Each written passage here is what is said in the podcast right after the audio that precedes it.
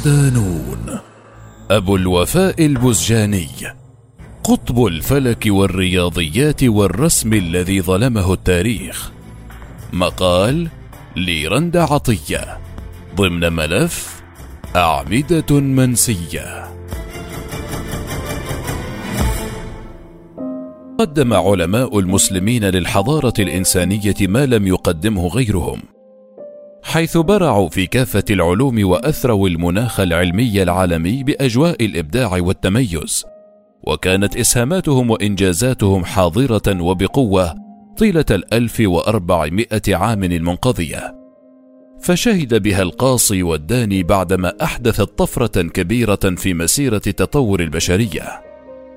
وعكس ما كان يركز عليه المؤرخون غير المنصفين فلم يقتصر المسلمون على العلوم الشرعية دون غيرها حيث لم يتركوا مجالا فيه خدمة للإنسانية إلا واشتغلوا به.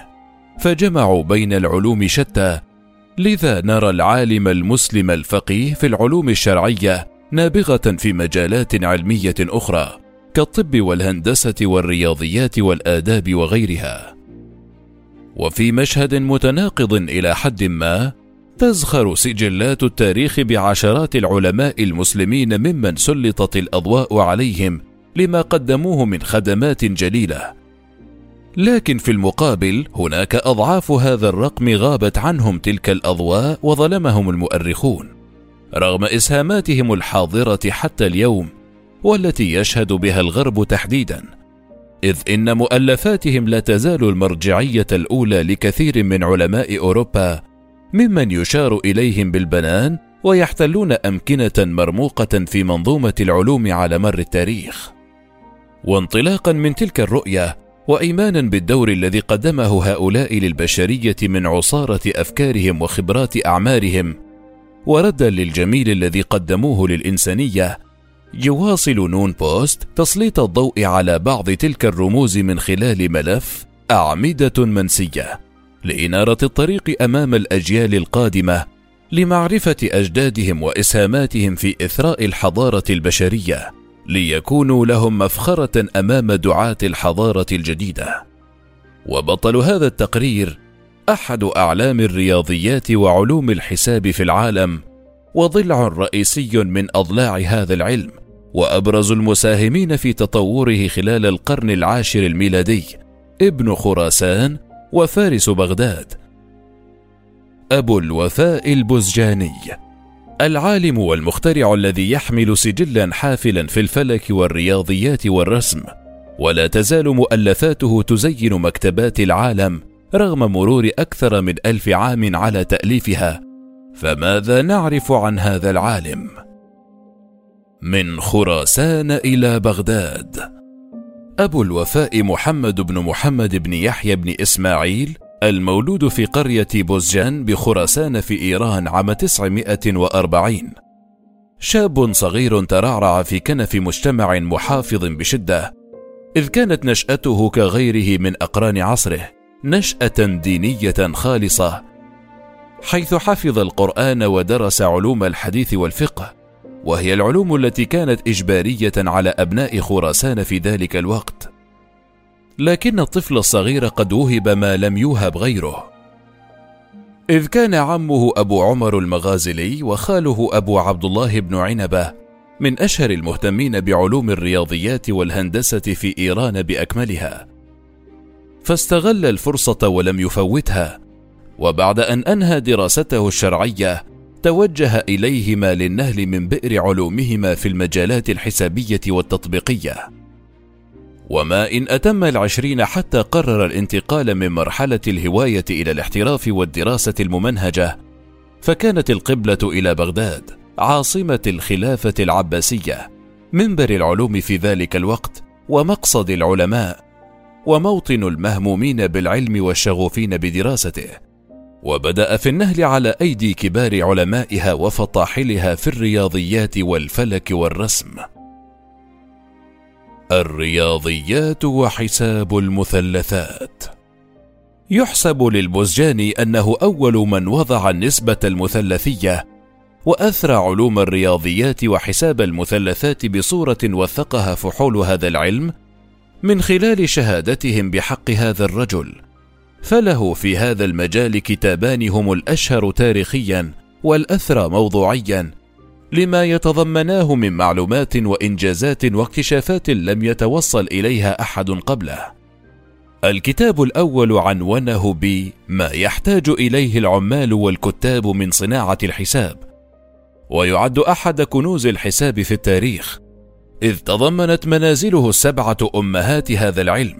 في النسبة في الضرب والقسمة في أعمال المساحات في أعمال الخراج في أعمال المقاسات في الصروف وأخيرا في معاملات التجار. وظل هذا المؤلف المرتكز الأساسي لمعاملات الماليين في مراحل التاريخ اللاحقة. الكتاب الثاني كان تحت عنوان ما يحتاج إليه الصناع من أعمال الهندسة وكان ذلك بتكليف من السلطان البويهي بهاء الدولة من أجل أن تعم الاستفادة لدى أرباب الصناعة في الدولة الإسلامية وقتها فسهل لهم المسائل المعقدة وقدم شروحات وافية لمؤلفات إقليدس وديوفانتس والخوارزمي. إسهاماته في علوم الهندسة والرسم لم تقل إسهامات البزجاني في الهندسة عن نظيرتها في حساب المثلثات. ولعل كتابه كتاب في عمل المسطرة والبركار والكونيا أحد أمهات الكتب في هذا العلم. إذ تضمن هذا المؤلف الذي ترجمه الغرب العديد من الإسهامات الهندسية. أبرزها اختراع العديد من الطرق حول كيفية الرسم واستعمال الآلات اللازمة لذلك مما يحتاجه الصانع من أعمال الهندسة. كذلك طرقا حديثة لإنشاء الأجسام المنتظمة كثيرة السطوح حول الكرة حيث استعمل طرقا مختلفة لحل عملية واحدة. وأجمع كبار العلماء في الغرب أن هذا الكتاب المقسم إلى ثلاثة عشر بابا في عمل المسطرة والبركار في عمل الأشكال في الدوائر في عمل الدائرة على الأشكال.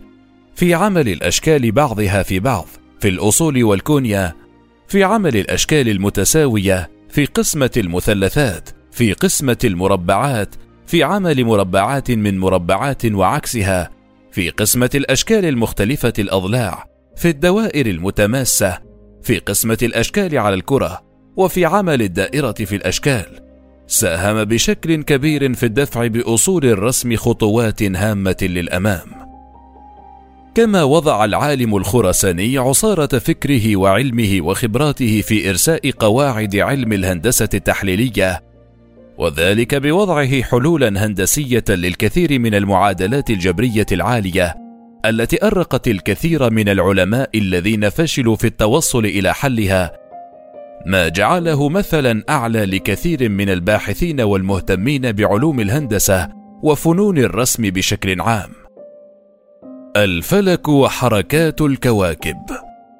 ثم يأتي الفلك بمثابة الضلع الثالث من مثلث الإنجازات البزجانية حيث وضع أبو الوفاء الأسس الأولى لعلم حركة الكواكب ولعل كتابه الكامل واحد من الدرر الكامنة في هذا المجال بشهادة الجميع ما جعله على رأس الأعلام في علم الفلك على مدار التاريخ.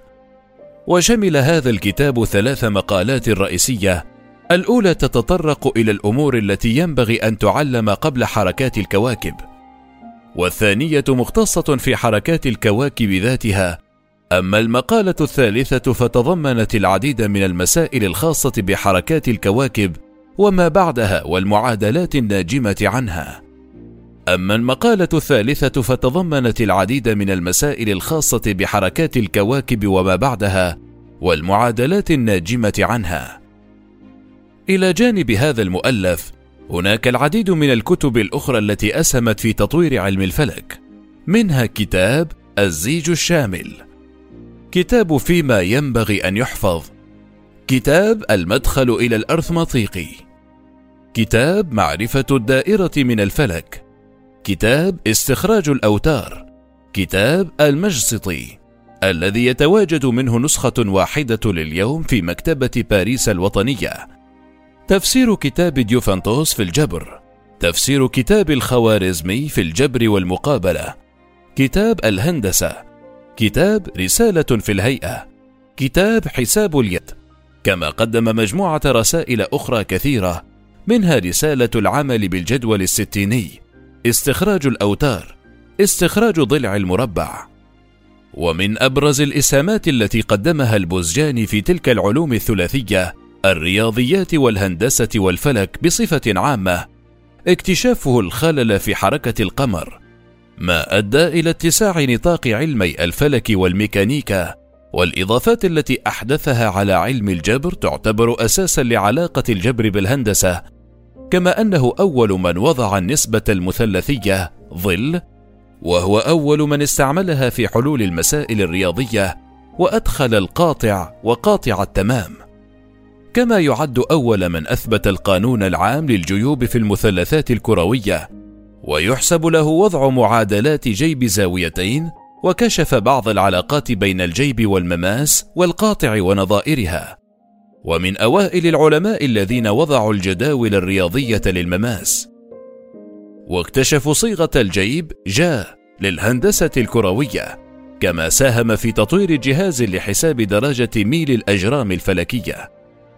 وتقديرا للخدمات التي قدمها البزجاني لتلك العلوم أشاد به العديد من العلماء الغربيين منهم المؤرخ والفيلسوف الفرنسي جوستاف لوبون الذي قال إن آلات الرصد التي استعملها أبو الوفاء كانت على جانب عظيم من الدقة والإتقان. فيما قال عنه المستشرق البارون كارادوفو إن الخدمات التي قدمها أبو الوفاء لعلم المثلثات لا يمكن أن يجادل فيها. فبفضله أصبح هذا العلم أكثر بساطة ووضوحا. فقد استعمل القاطع وقاطع التمام وأوجد طريقة جديدة لحساب الجيب. كما أنه أول من أثبت القانون العام للجيوب في المثلثات الكروية. أما في الهندسة فقد كان أبو الوفاء عالما عبقريا حيث عالج عددا من المسائل بخبرة كبيرة. أما المؤرخ البلجيكي الشهير جورج ألفريد ليون سارتون والذي يعتبر مؤسس علم تاريخ العلوم. فقد وصفت البزجاني بأنه من أعظم الرياضيين في الإسلام. واستطاع العالم المسلم خلال فترة إقامته في بغداد الممتدة لأكثر من خمسة وثلاثين عاما أن يقدم أوراق اعتماده لدى سجلات علوم الحضارة الإنسانية كواحد من العلماء الثقات صاحب المكانة العلمية الرصينة وظل في عاصمة الدولة العباسية حتى وفاته عام 998 بعدما ترك لطلابه وباحثيه مكتبة ثرية من المؤلفات العظائم والإسهامات الخالدة التي يفتخر بها الجميع حتى يومنا هذا. ويعد العالم الخراساني البغدادي واحدا من أبرز من تعرضوا للظلم في التاريخ الإسلامي. البداية كانت مع تجاهل إنجازاته وغياب الأضواء عنه، ثم عرج بتسطيح جهوده والتقليل منها إلى أن وصل لتعرض إسهاماته للسرقة من قبل بعض علماء الغرب في وقت لم يبذل فيه علماء العرب والمسلمين جهد الدفاع عن ابن جلدتهم ودينهم لتبقى مؤلفاته الشاهد الأبرز والأكثر حضورا وتخليدا لمسيرة عالم قدم للإنسانية الكثير والكثير.